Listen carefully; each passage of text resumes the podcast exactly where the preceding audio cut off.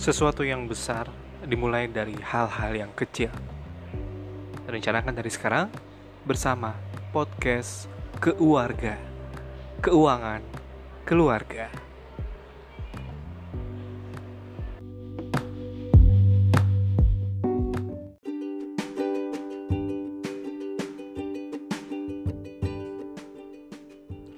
Baik, halo para pendengar. Kembali lagi bersama saya Dian Abdi Wahyudillah pada podcast Keuangan Keluarga. Pada podcast ketiga ini kita akan mencoba membahas suatu tema yang uh, menurut saya sedang begitu diperlukannya untuk didengar kaum-kaum milenial di mana tema kali ini adalah gaji pertama uang panas yang berbahaya. Di mana pada tema kali ini kita mencoba mengupas tentang gaji yang pertama kali diterima oleh kaum milenial atau fresh graduate yang baru menyelesaikan pendidikannya dan baru terjun di dunia kerja. Tema kali ini memang sedikit terinspirasi dengan adik saya sendiri di mana dia seorang pegawai bank yang uh, baru tahun lalu menyelesaikan pendidikannya dan alhamdulillah tidak berapa lama langsung diterima bekerja di salah satu bank BUMN di Banjarmasin. Dan tentu masa transisi ketika seseorang yang tidak mendapatkan penghasilan tiba-tiba mendapatkan gaji serta bonus tahunan yang diberikan oleh tempat dia bekerja tentu cukup berat. Dan ketika bonus tersebut keluar di awal bulan Desember yang lalu, banyak hal yang dia beli. Dan tentunya menurut saya sendiri ada banyak hal yang memang saya anggap tidak perlu yang dia beli.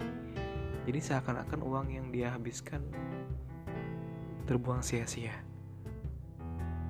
Memang tidak ada salahnya ketika dia membeli berbagai keinginan dengan uang hasil kerja kerasnya sendiri. Tapi alangkah baiknya ketika pemahaman tentang pengelolaan keuangan dipahami lebih awal di mana ketika dia bisa memahami pengelolaan keuangan lebih awal tentu dia akan merasakan feedbacknya ketika ketika ke depannya dia memiliki berbagai keinginan yang uh, ingin dipenuhinya mungkin ini bukan hanya terjadi pada adik saya tetapi saya sedikit yakin sebagian besar milenial di luar sana atau pendengar juga mungkin mengalami hal ini. Karena kita tidak bisa menghindar dari perkembangan zaman yang sekarang ini memang sangat menggoda. Di mana segala sesuatu yang kita inginkan dapat diraih dengan berbagai kemudahan. Mungkin mungkin kalau zaman dulu bila kita ingin sesuatu kita harus mendatangi tempat yang menjual sesuatu yang kita inginkan tersebut. Tapi sekarang segalanya bisa dilakukan dengan handphone atau smartphone. Tentu ini akan membuka peluang kita akan menghabiskan uang atau menghabiskan penghasilan kita ke hal-hal yang kurang diperlukan. Mungkin saya sedikit membuka aib sih, soalnya istri saya sendiri pun sering membeli barang-barang yang tidak diperlukan ketika dia mendapatkan penghasilan dari pekerjaannya dan saya sih perlahan-lahan masih tahu karena literasi keuangan di masyarakat Indonesia sendiri masih kurang dan alangkah baiknya ketika kita bisa lebih awal memberitahu orang-orang yang memang belum memahami literasi keuangan sehingga ke depannya dia bisa mengatur keuangannya dan tidak timbul penyesalan di kemudian hari. Selain itu, di zaman sekarang mungkin tuntutan sosial media yang seakan memaksa. Jadi, sosial media selain kita mendapatkan feedback dari mudahnya informasi dan komunikasi dari sosial media. Sosial media sendiri memiliki mata pisau yang berbahaya di mana tuntutan sosial media sendiri seakan memaksa kaum milenial itu sendiri untuk beradu postingan. Untuk beradu postingan satu sama lain. Di mana menurut saya itu menciptakan dilematis tersendiri bagi pengelolaan keuangan pribadinya.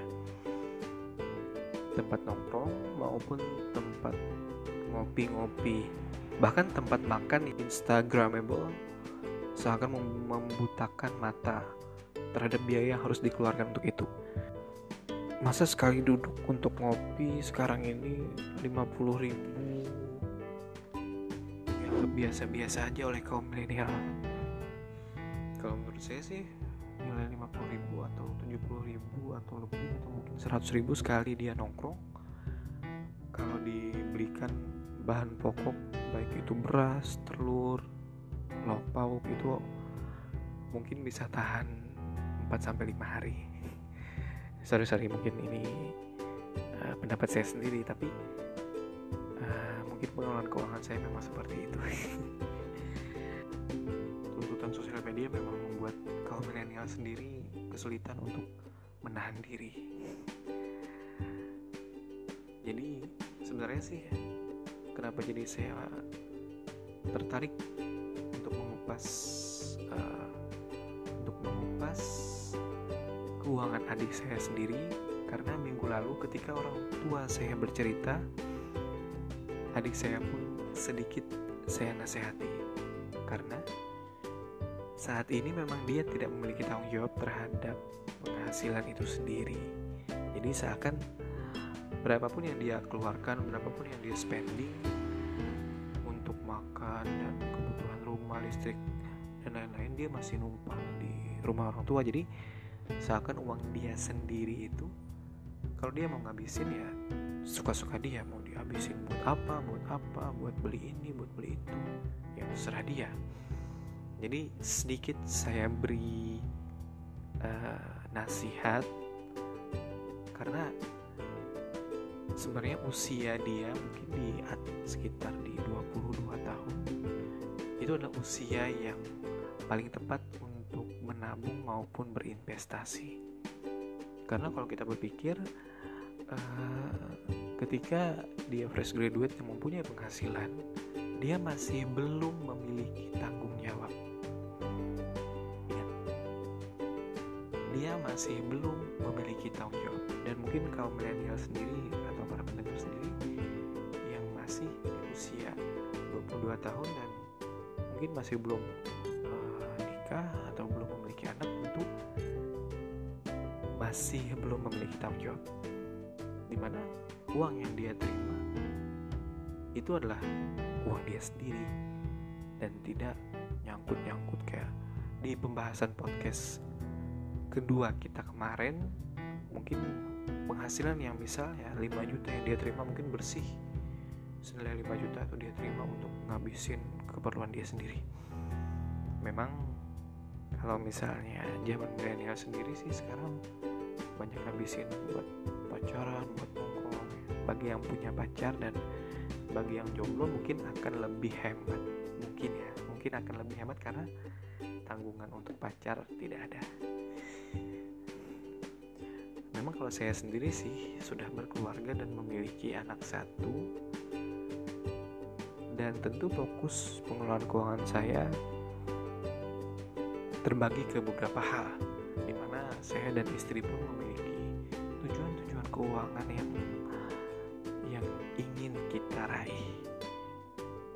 Memang tidak ada terlambat untuk menabung dan berinvestasi. Di usia saya sekarang mungkin sekitar 28 tahun tentu uh, apa yang saya tanam uh, saya apa yang saya tanam lima tahun lalu sekarang udah mulai saya tuai. Di mana? Sekarang saya memiliki dana cadangan mungkin cukup untuk ke depan.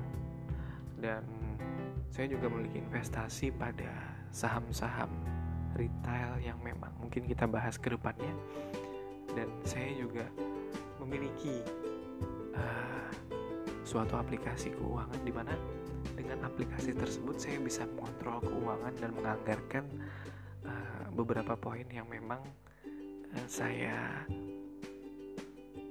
coba anggarkan untuk setiap bulannya.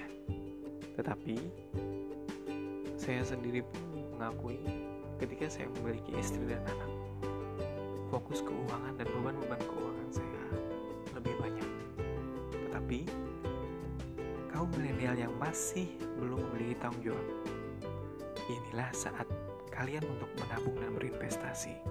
Sehingga ketika ke depannya target-target keuangan kalian, target-target yang kalian inginkan akan dengan mudah kalian raih.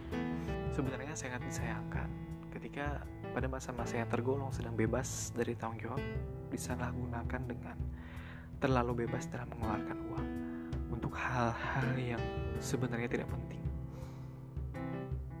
Sekian podcast dari saya. Sekali lagi bukan untuk menggerui, hanya sebatas berbagi karena segala keputusan keuangan ada di tangan Anda sekalian. Sekian dari saya. Terima kasih dan wassalamualaikum warahmatullahi wabarakatuh.